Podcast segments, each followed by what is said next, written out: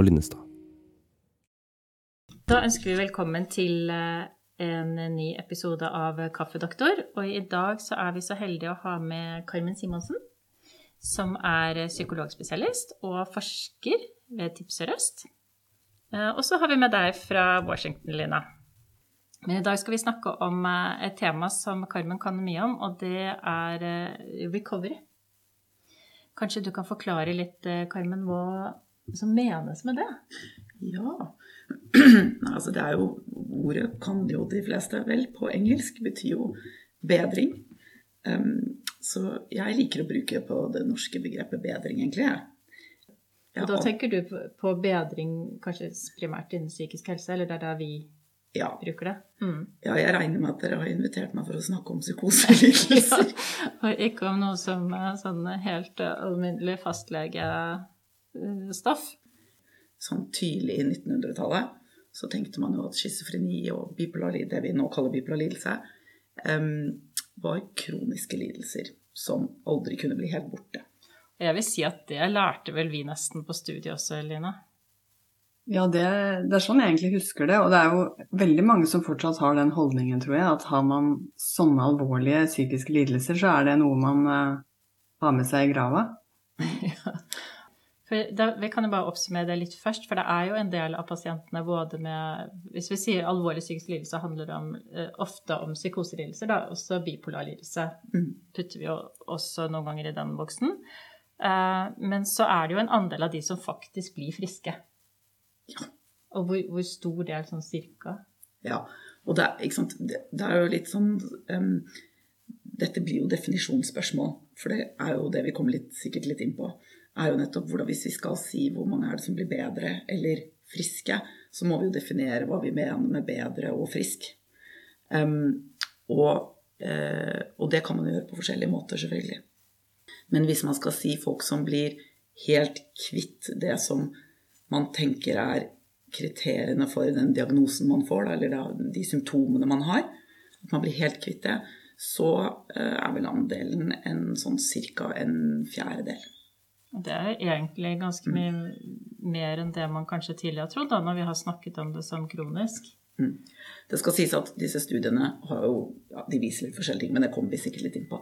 Men det er i hvert fall blant de som har schizofreni-spektrumslidelser, så er det ca. en fjerdedel. Og blant de som har bipolar lidelse, så er andelen en god del høyere. Ja. Mm. Men så er det også det litt det der med øh, hva vi mener med frisk. For vi har jo i hvert fall eh, hvis vi snakker for oss leger, Lina, så vi har jo vært veldig opptatt av liksom, symptomer. Uh, og at for å være frisk så må du ikke ha symptomer. Ja, og jeg tenker litt sånn ut fra det du sier nå, Carmen, også at Eh, vi er jo mer både på psykisk og somatisk helse over på å tenke kontinuum av symptomer, ikke sant? At man ikke er så opptatt av enten-eller. Mm. Eh, I hvert fall innen psykiatrien, tenker jeg. Men det er jo litt sånn i somatikken også. At det handler om grad av ting. Mm. Sånn at eh, det gjør vel også at det er lettere å kunne si nå er du innenfor kategorien frisk. Absolutt. Jeg tenker jo at Uh, igjen så blir det jo hvis man En ting er hva vi snakker om når vi snakker sånn generelt om um, vansker som vi har i livet, da. Psykiske vansker som vi har i livet. Noe annet er jo når vi setter diagnoser, um, og når man f.eks. ønsker å bli kvitt den diagnosen, da. Men um, innenfor forskningen så har man jo måttet definere forskjellige typer grader av bedring, og forskjellige måter å se bedring på, da. Jeg kan bare si det sånn at det, når det gjelder forskningen på bedring fra alvorlig psykisk lidelse, altså schizofreni, og bipolar lidelser, så tenkte man jo som sagt eh, på det som at fravær av symptomer, og at man kom tilbake i god funksjon opprinnelig. Og det er jo fordi det er det som er diagnosekriteriene. Og eh, det holder jo ikke å bare, f.eks. i tilfelle psykose, høre stemmer eller ha en vrangforestilling. Eh, at det blir borte, eh, eller sorry, at det er til stede, det holder jo ikke for å sette en diagnose. Man må jo også ha et fall i funksjon. Det må jo påvirke hvordan vi fungerer. Sånn at hvis jeg hører stemmer, men lever livet mitt akkurat sånn som jeg pleier, så vil jeg jo ikke tilfredsstille kriteriene for noen psykoselidelse. Og det er det jo faktisk en andel som gjør. Nettopp. Mm. Faktisk ganske mange. Mm. Ja, så når det da gjelder fravær av, for å være litt, da kunne kalle seg fully bedret eller frisk, så holder det jo ikke bare at man ikke har symptomer lenger, men man også må være tilbake i god funksjon. Det er sånn man har tenkt på det, da. Det var ikke jeg klar over at man ikke på en måte kaller det psykose. Hvis man hallusinerer, så likevel så er man ikke psykotisk så lenge man fungerer vanlig. Mm. Det, det, har bare vist eh, som befolkningsstudier at det er en hva er det der, 5-7 av befolkningen eller noe sånt som hører stemmer, eh, og hvor det ikke er et funksjonsfall, hvor det ikke er i behandling. Da. Så da, det er jo friske mennesker eh, i den forstand som man har eh, undersøkt. Eh, så det går an å leve med den typen problematikk, men som ikke um, ja, gjør at du på en måte regnes som syk. Siri Hustvedt f.eks. har jo beskrevet at der, Jeg tror de er fire søstre, men hvor tre av dem hører stemmer. Så de mener at hun siste er litt utafor. ja, og dette er jo en del av det som kalles recovery-bevegelsen. Der, der er jo folk opptatt av nettopp det, å også normalisere en del av de symptomene som vi tenker på som psykosesymptomer f.eks. å høre stemmer. Du har helt rett. Noen studier finner helt opp til 17% har hørt stemmer i løpet av det siste året eller i løpet av livet sitt. Så, og i norske studier så er det vel rundt 10 ja, riktig. Så, det er ganske høyt. Ja, så Hearing Voices Network er verdt å, å google, for der, der, får du mye interessant informasjon akkurat om dette her, da. For det er jo mange som sier også at de eh, kjenner seg beriket av det de hører og ser som ikke andre At det også kan være en berikende følelse? Mm. Vi vet jo at barn de har jo mange rare eh, opplevelser som ikke er så vanlige hos voksne. Og som min yngste sønn han fortalte meg en gang at han så et skjelett i veggen. Og det kunne jo selvfølgelig gjort meg bekymret som en forsker på psykoselidelser, men jeg ble ikke det. Fordi barn har sånne opplevelser. De har sine skybert, og de Ja. Men det er jo mindre vanlig blant voksne, det er helt sikkert. Men psykosenære symptomer er ganske vanlig i befolkningen generelt. Og det kan du vel også få hvis du er presset, at du ikke nødvendigvis egentlig pleier å bikke over uh, og faktisk bli så påvirket at det påvirker funksjonen din, men i situasjoner hvor man er under mye press, da, ja. at man kan få gjennombrudd av både syns- og hørselshallusinose. Ja. Men egentlig så er vi inne på noe som er litt viktig for akkurat det vi skal snakke om. fordi eh, nettopp det som du introduserte, Melina, at vi, man jo Eh, tenker mer kontinuum og mer dimensjonelt rundt disse symptomene, ikke så svart-hvitt, sykt, frisk.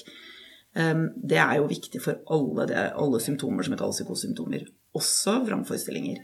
Så f.eks. det å føle seg grandios, altså føle seg, ha storhetsideer om at man er noe spesielt, eller det å føle seg forfulgt, eh, eller å føle seg det vi kaller selvhenførende, altså at du opplever at du blir spesielt lagt merke til, det er jo ting vi alle kan gjøre til tider, i mer eller mindre grad. Og så er det jo først når det får konsekvenser for hvordan vi lever livet vårt, altså at vi ikke får til å fungere sånn som vi bør, at det blir et ordentlig problem. Ellers så kjenner vi jo alle mennesker som kan bli litt paranoide i ny og ne. Når man stiller til presidentvalg i USA, f.eks.? Eksempel. Så det er liksom alle, alle symptomene som er i vår diagnosesystem, jo, ligger jo på et kontinuum hvor vi kan ha mer eller mindre dem. Vi vet jo alle at vi blir i mer eller mindre grad triste i mer eller mindre grad engstelige. Um, og så er man av og til over det som vi kaller terskel for det vi kanskje tenker er sykt, og at det får konsekvenser. Dette er jo drevet mye frem av brukerorganisasjonene. Dette ønsket om å se på liksom, hva er egentlig tilfriskning. Uh, og når du sier sånn, men det gjelder jo alle ting i vårt diagnosesystem, og det gjør det jo, så er det klart at uh, da blir det jo litt sånn Hvem er det som uh, definerer hva som er sykt og friskt? Hvem, hvem har på en måte definisjonsmakten, da. Nettopp. Skal jeg si litt om det? Ja, gjør det. Ja. Jeg kan bare ta to, to, to, minutter bare med litt historikk. fordi som sagt, på tidlig 1900-tallet så tenkte man at dette var kroniske lidelser, og det var ikke noe du noen gang kunne bli frisk fra. Um, og så var det jo først på, ja, på 50-tallet kom jo antipsykotika. Da fikk man jo håp om at å, kanskje vi kan medisinere bort dette. Og så fungerte ikke det så godt som man hadde trodd. Så studiene som fulgte etter at man fikk antipsykotika på markedet, de, de, var ikke på en måte, de visste jo ikke at det var så enkelt å bare gi folk medisin, og så ble det borte. Så først på 1980-tallet så startet de blant, i Sveits, var noen av de første studiene. Så fulgte man opp folk over tid, fra de kom i behandling, og så over flere år. Og da fikk man først en del studier som viste at det gikk faktisk det over halvparten av de som var med i studiene, gikk det ganske bra med på sikt. Så da begynte man å tenke mer positivt rundt det. Og så fra 90-tallet så fikk man ganske gode langtidsoppfølgingsstudier. Deriblant en eh, veldig kjent norsk studie som heter TIPS-studien. Eh, hvor man jo så at det var en relativt stor andel som faktisk ble eh, mye bedre, eh, og eh, også helt friske. Og så er det klart at man kan si når du først har vært psykotisk én gang, så vil du kanskje alltid være sårbar for å bli det igjen. Akkurat som at hvis du har hatt migrene en gang, et migreneanfall en gang, så vil du jo ha større sjanse for å kunne få det en gang til. Men det betyr jo ikke at eh, man nødvendigvis kommer til å få det tilbake da. Når du snakker om disse som eh, er, har vært fulgt over tid og som er blitt friske, da snakker du om ikke-medisinerte pasienter, ikke sant? Ikke nødvendigvis. Den, innenfor den forskningstradisjonen så tenker man egentlig at det er helt greit å stå på medisiner. Det, det er ikke med i de kriteriene, da. For å være litt sånn teknisk, sånn forskningsteknisk, da, så er man opptatt av at folk skal være, ha lav eller ingen grad av symptomer. Eh, at de skal være tilbake i god fungering. Og så er man jo litt uenig om hva vil det si å være i god fungering. Er det å jobbe 100% og ha venner og eh, bo alene? Eller holder det at du jobber deltid? Er det nok? Er det nok å være hjemmeværende husmor? Det, så der er på en måte folk litt uenige, eller der gjøres det litt forskjellig. For der er jo fravær av symptomer i hvert fall en ganske sånn ensidig sak. For jeg har jo sett psykotiske pasienter som blir forferdelig dårlige av medisiner, ikke sant. Som, eh, som, egentlig bare blir ganske dårlig fungerende på alle plan, annet enn at de ikke ser og hører ting lenger. Det er også et kjempegodt poeng. Så, så, derfor så er det Men i hvert fall det jeg kan jo bare kanskje komme litt inn på det, for det er jo Man kan bruke mange forskjellige definisjoner her, selvfølgelig. Men en ganske kjent eh, engelsk eh, recovery-forsker, eh, Mike Slade, han lagde et skille for å skille mellom forskjellige måter å se Eh, recovery på. Sånn at han kalte da den type recovery som jeg har snakket om til nå, altså fravær av symptomer og eh, det å få tilbake god funksjon, for klinisk recovery. Og det er jo tradisjonelt vurdert av såkalte eksperter, altså leger eller psykologer eller sykepleiere, som stiller en masse spørsmål, gjerne noen spørreskjemaer, og så objektivt vurderer om folk er friske. Eller en fastlege, for den saks skyld. Og så, eh, men på 1970-tallet så reiste brukerorganisasjonen seg spesielt i, i USA. Eh, for de var lei av at disse ekspertene eh, definerte hva bedring var, altså hva recovery var, og at det var de som også eh, satte kriteriene for det og, og, vurderte det. Og så ba de om at noen skulle spørre dem hva de tenkte bedring var. Og da var det jo en del forskere som kastet seg på dette, denne forespørselen Eh, og gjorde mindre kvalitative studier. Så istedenfor å følge opp store grupper personer, si 100 personer med schizofreni over ti år, for å se om de hadde mindre symptomer og bedre funksjon, vurdert av en, en fagekspert, så intervjuet man 10-15 personer med disse lidelsene og spurte dem hva er bedring for deg. Og det interessante da var at de var ikke så opptatt av symptomfravær. De var opptatt av å ha et meningsfylt liv, en god hverdag, Eh, og ha god livskvalitet eh, og ha håp. Sånn at da ble man jo opptatt av en helt annen form for bedring, da. Og dette er det som kalles personlig recovery? Mike Slade har kalt det personlig ja. recovery. En god del forskere har hengt seg på dette, fordi det er et ganske sånn greit skille. Og da så ble man jo til på bakgrunn ble det gjort ganske mange studier, og man spurte folk hva er bedring for deg. Eh, og så eh, har jo da en del forskere gjort store oversiktsartikler eller metaanalyser hvor de har sett på alle disse små studiene. Og så har de sett er det noen faktorer som går igjen. Er det noe som er spesielt viktig for folk som vi på en måte kan kalle personlig recovery? Og da er det flere som har gjort denne type laget forskjellige sånne rammeverk. Eh, men da gruppen til Mike Slade har laget et sånt rammeverk som har egentlig vunnet frem som det som flest er opptatt av. Og det er da fem faktorer på engelsk. Connectedness, hope, identity, meaning eh, og empowerment.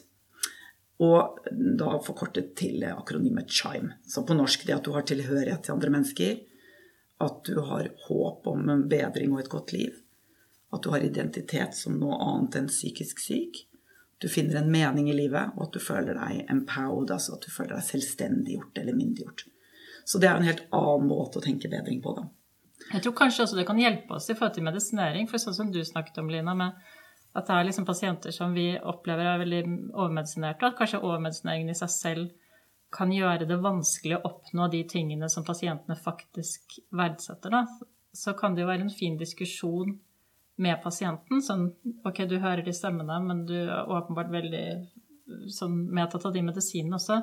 Hvordan kan vi finne den riktige balansen her, sånn at du kan nå de målene som er viktige for deg, og samtidig ha, kanskje bestemme mer på sånn lavbluss, da. For noen er det bedre å ha lette symptomer, men ikke føle seg så tungt medisinert. Helt klart. Det må, være, det må være avgjørende om dette er skremmende bilder eller lyder eller stemmer. Altså, eh, mm. Fordi hvis man hører eller ser ting som ikke er virkelig For det første tenker jeg det må vel være viktig om man kan klare å skille i den grad man klarer å skille det fra det virkelige, sånn at man vet hva man har å forholde seg til på et eller annet vis. Og det andre er om det er skremmende eller ikke. Jeg tenker eh, ofte på den eh, Jeg syns en fantastisk film, den 'Beautiful Mind', om den matematikeren eh, som jeg ikke husker John navnet på. Mm. Nash. Ja. Og hvor, han, hvor, det går opp for han at disse menneskene han ser, eh, blir jo ikke eldre. ikke sant? Så han, han, begynner jo å begripe hva som er virkelig og ikke virkelig, og lever med dette her. Og det tenker jeg er sånn så lenge de er der i bakgrunnen og ikke er skremmende for han, så er det greit. Ja, og dette er det mange uh, mennesker med uh, psykoselidelse som har vært opptatt av. At de selv må få lov å definere hva det er de ønsker å jobbe med å bli kvitt. da. Um, og det kan jo sies også Kristin har jo mye erfaring med kognitiv terapi for, spesifikt for psykose. Og det er man jo veldig opptatt av der. At det er nettopp pasienten som skal sette agenda for hva de har lyst til å jobbe med, og sette mål for behandlingen. Så vi jobber ikke i CBT for psykose for å kvitte oss med symptomer som ikke folk er opptatt av å bli kvitt. Så, så det er liksom en, en, viktig ting. Men det er klart at alle vil vel si altså Når vi alle går i, i psykologisk eller psykisk behandling, så er vi ute etter å få et bedre liv. Og hva er et bedre liv? Jo, det kan være å ha min, mere, mindre depressive symptomer, mindre angst, eller mindre psykosesymptomer for den saks skyld. Eller det kan bare handle om det å føle at man har tilhørighet med andre mennesker, eller at man eh, har en mening i livet, eller at man har, føler at livet er verdt å leve.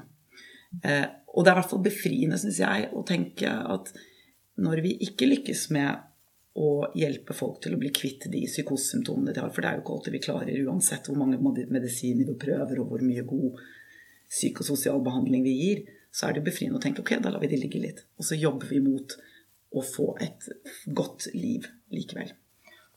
Jeg bare tenker på, eh, Nå er det jo først og fremst psyko psykoselidelser vi snakker om, men eh, dette prinsippet med hva man selv definerer som plagsomt, er jo også utrolig viktig for veldig mange andre lidelser, eh, også psykiske. Jeg tenker på sånn som depresjon, hvor målene er um, fravær av sånn og sånn og sånn symptom. Men det er jo veldig mange som opplever at f.eks. antidepressiva flater dem ut. Sånn at de foretrekker heller å ha litt depressive symptomer for å få livet tilbake på et vis. Det er akkurat det. Og jeg tenker det er verdt å nevne i denne sammenhengen da, at eh, mye av det som har ligget bak det som da kalles eh, Eller som har vært med på å drive også frem recovery-tradisjonen, eller recovery-bevegelsen, kall den hva du vil, eh, hvor man har vært opptatt av eh, brukerperspektivet. At det er de som skal definere hva bedring er, og sette mål for behandling. Så har man jo også parallelt hatt det man vi kaller positiv psykologi. Og der hadde vi jo Seligmann som på slutten av eh, 90-tallet eh, var president for den amerikanske psykologforeningen. Og han hadde drevet mye eh, depresjonsforskning. Og der ser vi at vi klarer bare å hjelpe halvparten det er bare halvparten vi klarer å få til å bli kvitt depresjonssymptomene. Så ble han opptatt av ok, men kanskje skal vi ha mindre fokus på symptomene og være mer opptatt av hva slags ressurser de har, hva slags håp de har, hva slags mål de har. Så hvis vi tenker at vi har liksom et nullpunkt, da, hvis vi har en akse med liksom hvor, hvor, bra man har det i form av måte, depresjon, og man da ligger på minus åtte når man er deprimert, så kan vi jobbe for å komme fra minus åtte til null eller skal vi bare hoppe over det og så spørre hva er det som ville kunne få deg til å kunne score åtte? What makes you tick? Liksom? Hva er det som gir deg glede? Og da er vi jo inne på Hvis det er å få seg en hund, eller om det er å gå tur, eller om det er å game, eller om det er å strikke. Altså, hva er det som gir deg energi og glede? Eh, og så kan man kanskje heller jobbe med det. Å fokusere på styrker. Mm. Og det er jo ikke Det er jo veldig omvendt av hva jeg har lært da jeg begynte i psykiatri.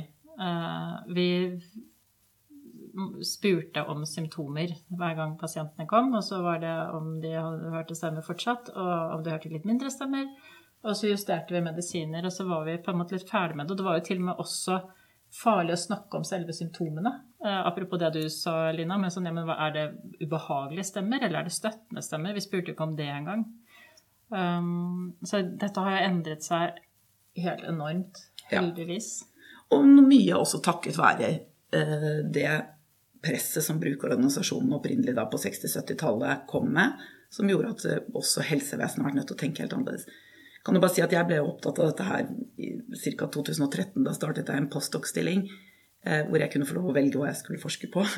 Og det var jo som en del av et av prosjektene i Topprosjektet, altså, som ligger under Nordment, som er et stort forskningssenter. Eh, hvor vi skulle følge opp det helt ti år senere. Og da hadde jeg akkurat jobbet i klinikk, så jeg var opptatt av okay, hva er det som gjør at folk blir bedre. Og hva, da ble det jo veldig tydelig for meg at da må vi jo først tenke på ok, hva vil det si å bli bedre. På den tiden, så da når jeg begynte å lese meg opp på dette her, så kom jeg jo over da denne mer personlig recovery-orienterte. Og disse to tradisjonene, altså klinisk og personlig recovery, var helt separate. Forskerne hadde ingen overlapp. Så det var akkurat som det var to verdener som jobbet mot bedring på to helt forskjellige måter. Sånn er det ikke lenger nå, heldigvis. Nå, nå på en måte møtes disse to verdenene i mye større grad. Og helsevesenet vårt er også veldig annerledes eh, ti år senere. Gudskjelov. Så nå tror jeg det er få behandlere som sitter og tenker veldig arkaisk rundt dette her innenfor psykisk helsevern. I hvert fall så er det ganske mye pådrift for at vi skal også måle bedring fra brukerperspektivet. Eh, og vi skal også ha deres eh, behandlingsmål som målet, da. Det er litt morsom historie fra det prosjektet deres, for du har jo skrevet også en artikkel eh, sammen med flere andre, men hvor dere også gikk litt i rette med hva som er kriteriene for tilfriskning. For det var liksom høyere krav til pasientene for å kunne kalle seg friske enn folk flest? Ja, det var morsomt, for vi var en ganske stor forskergruppe. Og så eh, snakket vi jo da med personer med schizofreni og bipolar lidelse ti år etter at de kom i behandling for første gang. Eh, og kriteriene for da klinisk recovery var jo da å ha ingen eller veldig lav grad av symptomer, eh, å være i 100% jobb, og ha, se en venn en gang i uken, og bo selvstendig i minst ett år. Eh, men vi fant jo ganske fort ut at det var mange av oss i den gruppen som ikke tilfredsstilte de kriteriene for god funksjon. Enten fordi vi jobbet så mye så vi så ikke en venn en gang i uken, eller vi hadde vært sykemeldte, som man jo blir. Så, så, da tenkte vi nei, det går ikke. Så vi lagde litt mildere kriterier, da, skal sies.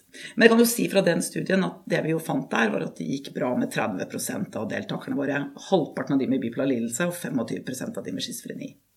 Og da ble jeg veldig fristet til å fortelle om den neste studien vi har gjort. Kan ja, jeg det? Gjør det. Ja. Fordi så fulgte vi opp med å så spørre ok, men hvor mange er det som har da eh, som oppnår det vi kan kalle personlig recovery, eller som har god livskvalitet. Eh, som er fornøyde med livet. Og når vi da hadde stilt dem spørsmål rundt hvor altså de skulle score seg selv i hvor fornøyde de var med livet fra 1 til 7, så var det 60,9% skåret seg selv fem eller bedre. Ti år etter at de kom i behandling. Og eh, nesten ja, skal vi se, hvordan blir det, litt over 50 eh, skåret høyt på et skjema som eh, vurdere, hvor de da scorer seg selv opp mot personlig recovery, altså dette som handler om mening og empowerment osv. Så sånn at to tredjedeler var fornøyde med livet og opplevde mening og håp osv. Det er utrolig viktig å formidle til uh, pasienter. det er et høyt tall, altså. Det er veldig høyt, og det som var hyggelig, var at i schizofrenigruppen så var det jo eh, 23% bare som var kvitt symptomer, og som var tilbake i god funksjon etter ti år, og hadde vært det i ett år. Men 47 eh, opplevde å være personlig recovered. Av de som hadde fortsatt symptomer? Eh, nei, av, um, av hele, av hele samplet.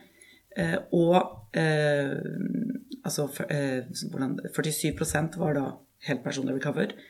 blant de med schizofreni. Så selv om bare en fjerdedel er kvitt symptomer og går tilbake i god funksjon, så er halvparten opplever mening og et godt liv. Og faktisk eh, 50, hvordan dette er, 59% var også opp, eh, vurdert seg selv som fornøyde med livet. Sånn at eh, det var, tenker jeg også er et veldig viktig budskap til pårørende og, og pasienter i for seg, som akkurat har fått en diagnose, at ok, det er ikke sikkert du kan bli helt kvitt alt det som er plagsomt her, men at du skal kunne få et godt liv som du syns er verdt å leve, og som du trives med, om ti år, den er ganske stor. Mm. For noe av det stigmatiserende ved disse lidelsene er vel nettopp det at man har tenkt at det er kronifisert på en måte. Og det gjør at stigma blir mye høyere fordi man tenker greit, nå er du i den båsen, og der blir du. Helt klart. Nei, for det er helt riktig det du sier, og, det, og, der er det jo det kom ut Jeg kan jo bare si det hvis noen er spesielt interessert med det. kom ut en rapport nå i oktober um, i, fjor, i, fjor, i oktober uh, i The Lancet, som er et ganske anerkjent tidsskrift, hvor de hadde hatt en kommisjon som hadde jobbet med hva vet vi om stigma ved alvorlig psykisk lidelse. Um, og uh, den er ledet av veldig altså, vel, uh, anerkjente stigmaforskere. Og det man ser der når man går gjennom, de har gått gjennom all, all litteratur, uh, er jo at det er dessverre sånn at schizofreni er den mest stigmatiserte lidelsen. Deretter bipolar lidelse, og så kommer depresjon og angst og de andre lettere psykiske lidelsene. Og det man vet, er at personer med schizofreni og bipolar lidelse blir, blir sett på som farlige, uberegnelige, at de har skyld i sin egen lidelse. Um, og, at de er, at det er kronisk. Um, og de i tillegg, det er jo holdningene folk har mot dem, så har de større problemer med å skaffe seg arbeid, sted å bo. Um, de har også større vansker med å passe inn sosialt. og ikke minst å få helsehjelp. Og de får faktisk dårligere somatisk helsehjelp enn andre mennesker. Sånn at det at det er mye både diskriminering og fordommer, det vet vi. Og så antar vi at det kommer av stereotypier og altså, manglende kunnskap hos befolkningen generelt. Ja. Jeg er veldig overrasket over det du sier om skyld. Er det til og med sånn at folk har en oppfatning om at uh, schizofrenipasienter har skyld i egen lidelse? Ja, det er et veldig godt spørsmål. fordi man har jo vært opptatt av, og har, Vi har vært opptatt av det å prøve å rette opp folks manglende kunnskap. da, Og tenkt at ok, hvis vi, For vi vet at jo mer kunnskap folk har, jo mindre stigmatiserende er de. Eller for mindre stigmatiserende holdninger og atferd har de. Så en første antistigmakampanjene så var man opptatt av å si at schizofreni er en sykdom som alle andre somatiske sykdommer. Du kan ikke noe for det. Det er noe, det er noe gærent biologisk. Eh, og det tenkte man jo da, da vil jo stigma gå ned. Men det man fant da, var at baksiden av det er at folk tenker ja, nettopp. Det er kronisk. Det går aldri an å bli frisk. Så når man prøver å justere det litt Og vi vet jo også i dag at psykiske lidelser generelt er jo et produkt av en biologisk sårbarhet, men også det miljøet vi lever i. Så det er jo begge deler. Så, så man kan på en måte ikke si det, da. Bare, eh, vi snakket om i en annen episode tidligere eh, som også eh, speiler noe av denne holdningen, og det gjelder bipolar lidelse, hvor jeg har vært borti pasienter som har vært hatt en veldig klar oppfatning av at de er bipolare. De har ikke bipolar lidelse. Og det syns jeg speiler godt, godt, den opplevelsen man har av det, det kroniske ved det, ikke sant? Ja, det er et godt poeng. Fordi um, når man er inne på dette med stigma, så blir jo språk er jo viktig, selvfølgelig. Så hvis vi snakker om de schizofrene, eller at han er schizofren, så legger man jo egentlig til grunn at dette er noe veldig grunnleggende ved dette mennesket, da. Eh, sånn at man har jo også vært opptatt i antistigmakampanjer og nettopp ta for seg språkbruk. Da. Man er ikke en diagnose, man har en diagnose. Det være sagt, så er det mange med bipolar lidelse som opplever det som en enorm lettelse å få den diagnosen, og som liker å identifisere seg med det. Og da tenker jeg at det er helt greit. Men det er selvfølgelig, folk skal få lov å definere seg selv. Men jeg vil ikke snakke om ditt bipolare eller si at den personen er bipolar.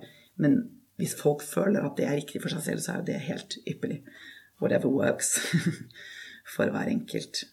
Mm. Så tror jeg også det er inngrodd veldig mye forestillinger, særlig om schizofrenidiagnosen, som f.eks. Eh, hva heter det, Five Faces of Eve, eller eh, hva heter det, den romanen igjen?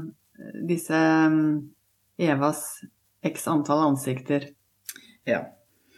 Jeg husker ikke helt hva tittelen på den boka er, men det er jo noen sånne forestillinger om hva schizofreni er, som jeg tror sitter ganske hardt i befolkningen, som handler om eh, splittet personlighet. Mm.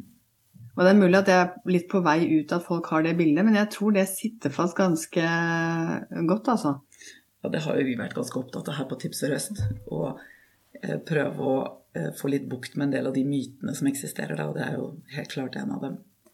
Kanskje du kan fortelle litt om hvordan dere jobber eh, for du skal i gang med et nytt forskningsprosjekt. Jeg syns Ja. det er litt gøy å presentere det. For da jobber dere jo aktivt i forhold til hvordan man skal forholde seg til dette med stigma. For det er jo ikke bare å gå ut og si 'jeg har fått en schizofreni-diagnose' eller 'bipolar lidelse', eller hvem skal du fortelle det til, og hvordan skal du forholde deg til Eller hvordan skal du forholde deg i verden med diagnosen? Ja, for det kan du si at det, Den type stigma som jeg beskrev i sted, dette med at folk både, opplever fordommer og diskriminering, det kan, vi jo kalle offentlig stigma. Det er jo hvordan befolkningen for øvrig forholder seg til personer med psykiske eh, vansker.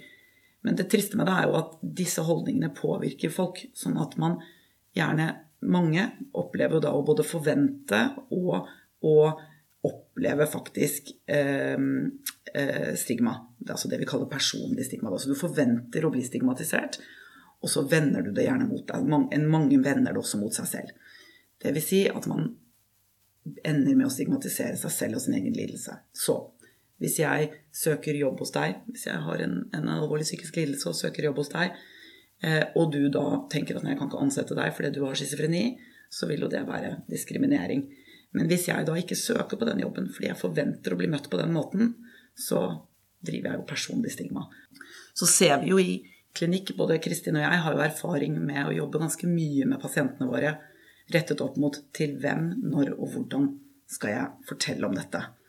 Eh, og det, det tror jeg mange behandlere eh, innenfor psykisk helsevern vil kjenne seg igjen i, at det er et ganske viktig tema. Og så har vi vært ganske opptatt av det her på Tips og Røst. Eh, Så kom vi over for noen år siden en gruppeintervensjon som er laget i USA av en eh, kjent stigmaforsker som heter Patrick Corrigan. Og dette er et gruppeprogram som heter Honest, Open, Proud. eh, Som er en intervensjon hvor fire til åtte personer med psykiske vansker er med i en gruppe ledet av to personer som selv har erfaring med psykisk lidelse. Og det det går ut på, er å jobbe med eh, opplevelser av stigma og hvordan man skal håndtere åpenhet som resultat av det. Da. Så den første eh, gruppen så eh, snakker man om hva slags forhold man har til sin egen diagnose, og fordeler og ulemper med å være eh, åpen. For det er jo åpenbare ulemper også. Så det er jo ikke sånn at det alltid er bra å være åpen. Andre gangen så snakker man om forskjellige måter å være åpen på. Fra å være, gå fullt ut i media og fortelle om at man f.eks. har bipolar lidelse, til å ikke fortelle det til noen i det hele tatt. Og så alle de forskjellige variantene derimellom, da. Og så møtes de en tredje gang for å komme frem til hvordan hver enkelt deltaker har lyst til å dele sin historie. Med fokus på når de har lyst til å gjøre det, til hvem, hvordan de skal prøve ut om en person er en god person å åpne seg for, eh, og hvordan de skal gjøre det. Og så går folk ut i verden og prøver det. Og så møtes man etter fire uker til en såkalt booster session for å se hvordan dette har funka. Tenker det er sånn interessant, fordi det er ikke noe vi egentlig har jobbet med i psykisk helsevern, men som er så sånn åpenbart matnyttig. Eh, Og det å få lov å også spare med andre i en gruppesammenheng, eh, for det er vel den opplevelsen vi har hatt i andre sammenhenger her også, det å snakke med andre som har samme diagnose, eh, kan være veldig effektfullt. Spesielt når fokuset kanskje har en mer sånn positiv vinkling. Jeg bare eh, lurte på hvor eh, Det er jo åpenbart eh, store individuelle variasjoner i hvor åpen det er greit å være. Det handler om hvilke relasjoner man har, hvor trygg man føler seg på dem, hvordan man er som person. Det er jo utrolig mye som spiller inn, men har dere noen, noen litt sånn generelle råd til folk når dette er tema i en, eh, eh, sammen med en pasient? Nei, jeg tror ikke vi kan være så generelle, rett og slett. Fordi eh, sannheten er jo at sant, det vi vet, er jo at det å gå og holde noe skjult, det er, kan være veldig problematisk. Og du kan gå glipp av utrolig mye sosial støtte. Så hvis f.eks. jeg var bare, la oss kalle, bruke depresjon som et eksempel, da. Hvis jeg var deprimert og valgte å ikke fortelle det til min leder, så ville ikke min leder skjønne hva jeg trengte for å kunne arbeide godt selv med depresjon. Da. Sånn at du unngår sosial støtte. fra venner eller fra arbeidsplassen din. På en annen side så er det ikke alle sammenhenger det er lurt å være åpen om alt i livet ens. Og det vil jo være for psykiske lidelser som for alt mulig annet.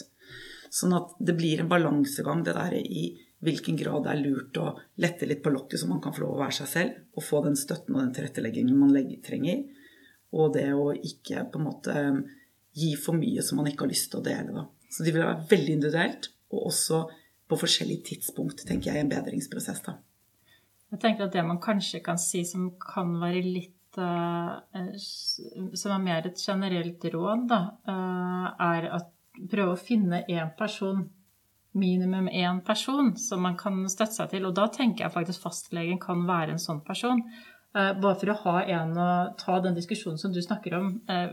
hvilke personer har du i omgivelsene dine som du kunne vært åpen med? Hva er konsekvensen av å være åpen? Hva er det verste som kan skje? Hva er det beste som kan skje?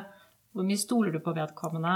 Er det en person som er glad i deg? Eh, det er mange ting som gjør at jeg tror at du, Lina, ville kunne ha rådgitt eh, om sånne ting. Men jeg ville definitivt eh, tenkt at sånn, det er noe man kanskje gjør litt skrittvis.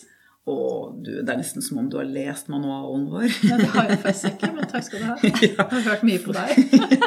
For det er jo det, det er akkurat det de gjør. Det er liksom det er første skrittet her å finne hvem, hvem er en god person å betro seg til. Og da har vi faktisk snakket til dem. Vi har en prosjektgruppe med åtte, åtte unge, unge, mennesker som har erfaring med schizofreni og bipolar lidelse, som hjelper oss å tilpasse denne manualen til norske kontekst. Og de er veldig opptatt av det. Eh, nettopp hvem skal være denne første personen. Og det er helt riktig, fastlegen kan være en av dem. Selvfølgelig familiemedlemmer, men også en, en god venn. Mm. Så, så, ikke Facebook? Nei, kanskje ikke begynne der. Men jeg tror det er viktig for oss og Patrick Horgan som har laget denne intensjonen, at åpenhet er ikke et mål i seg selv. Det er snakk om å finne når og hvordan. Én ting er når man skal være det, til hvem, eh, på hvilket tidspunkt, altså sånn i hvilken setting. Men også hva er det du har lyst til å fortelle? Holder det å fortelle at jeg har strevd veldig mye? Eller har man lyst til å si hvilken diagnose man har fått? Har man lyst til å si hva som skjedde da man ble lagt inn? Altså, det er så utrolig mye. Det er så mange måter å gjøre det på, da. Og kanskje også gi uttrykk for hvor, eh, hva man ønsker fra den andre personen når man forteller det. Mm. Uh, for jeg har også snakket med noen som sier sånn De har sagt litt, og så har ikke folk turt å spørre mer. Men at man da egentlig ofte ønsker litt spørsmål tilbake. Så det er ikke så farlig. Hvis jeg først åpner meg, så vil jeg faktisk gjerne at du spør. Uh, da er det fint om du spør og graver litt, liksom. Ja. Og det kan sikkert være forskjellig fra person til person, det også, men vi kan nok noen ganger føle at vi får liksom en hemmelighet i fanget, og så blir vi redde for å spørre mer, for kanskje de bare hadde lyst til å fortelle det og ikke mer. Men da kan man jo utforske de grensene sammen ved å være åpen om akkurat det. Ja. Men det jeg kan kanskje si, da, for å nøste tilbake til det med, med, bedring og recovery, er jo at det vi i hvert fall vet fra forskning også, man har jo vært opptatt av i hvilken grad er stigma eh, negativt for, folk. Eh, og da ser vi jo selvfølgelig, ikke uventet, at folk som vender stigma mot seg selv og sin egen lidelse, som er sånn ca. en tredjedel av de som opplever eh, schizofreni og bipolar lidelse, så er jo det ugunstig for deres livskvalitet og for deres eh, bedringsprosess. Sånn at det at behandlere og at vi alle egentlig har litt fokus på det, det tror jeg egentlig kan være ganske viktig. Et lite, et lite brikke i det store spillet, da. Tenker det understreker vel noe om at vi alle sammen kan være til støtte i en situasjon hvor noen trenger å være litt åpne. Eh, både fastlegen og venner og behandlere. Jeg tenker jo at det er viktig når vi tenker på behandling av disse eh, diagnosegruppene, så tenker jeg at det er viktig at vi husker på at medisiner kan være utrolig eh, effektivt. Nesten litt magisk for noen. Men som, som du nevnte, Lina, ikke for alle. Men det viktige er at, mener jeg, alle som opplever eh, psykoselidelser eller bipolar lidelser, eh, skal ha også psykososial behandling. Være seg om det er familiebehandling, eller om det er kognitiv terapi for psykose, eller om det er en annen form for psykoterapi. Men alle trenger å snakke med noen om hva deres ressurser og deres mål og deres vansker er. Eh, så vi trenger begge deler. Det holder ikke bare med medisiner. Det er jeg veldig opptatt av. Og da tenker jeg, og da får vi jo på en måte da er det jo nettopp dette som å ha fokus på også personlig recovery, ikke bare klinisk recovery, men også hvordan folk skal håndtere stigma og åpenhet. Dette syns jeg var veldig fine avsluttende ord. Det er jeg helt enig i. Det var veldig hyggelig at du kom, Carmen. Takk. tusen Takk takk for for det, at jeg og ble at du til og med kom selv om vi hadde liksom slept deg ut med vondt i halsen og alt mulig. Tusen takk. Takk for meg. Da sier vi sånn som vi pleier da, Lina. Livet er ikke det verste vi har. Og bitte litt er pulverkaffen klar. God sommer, da. God sommer.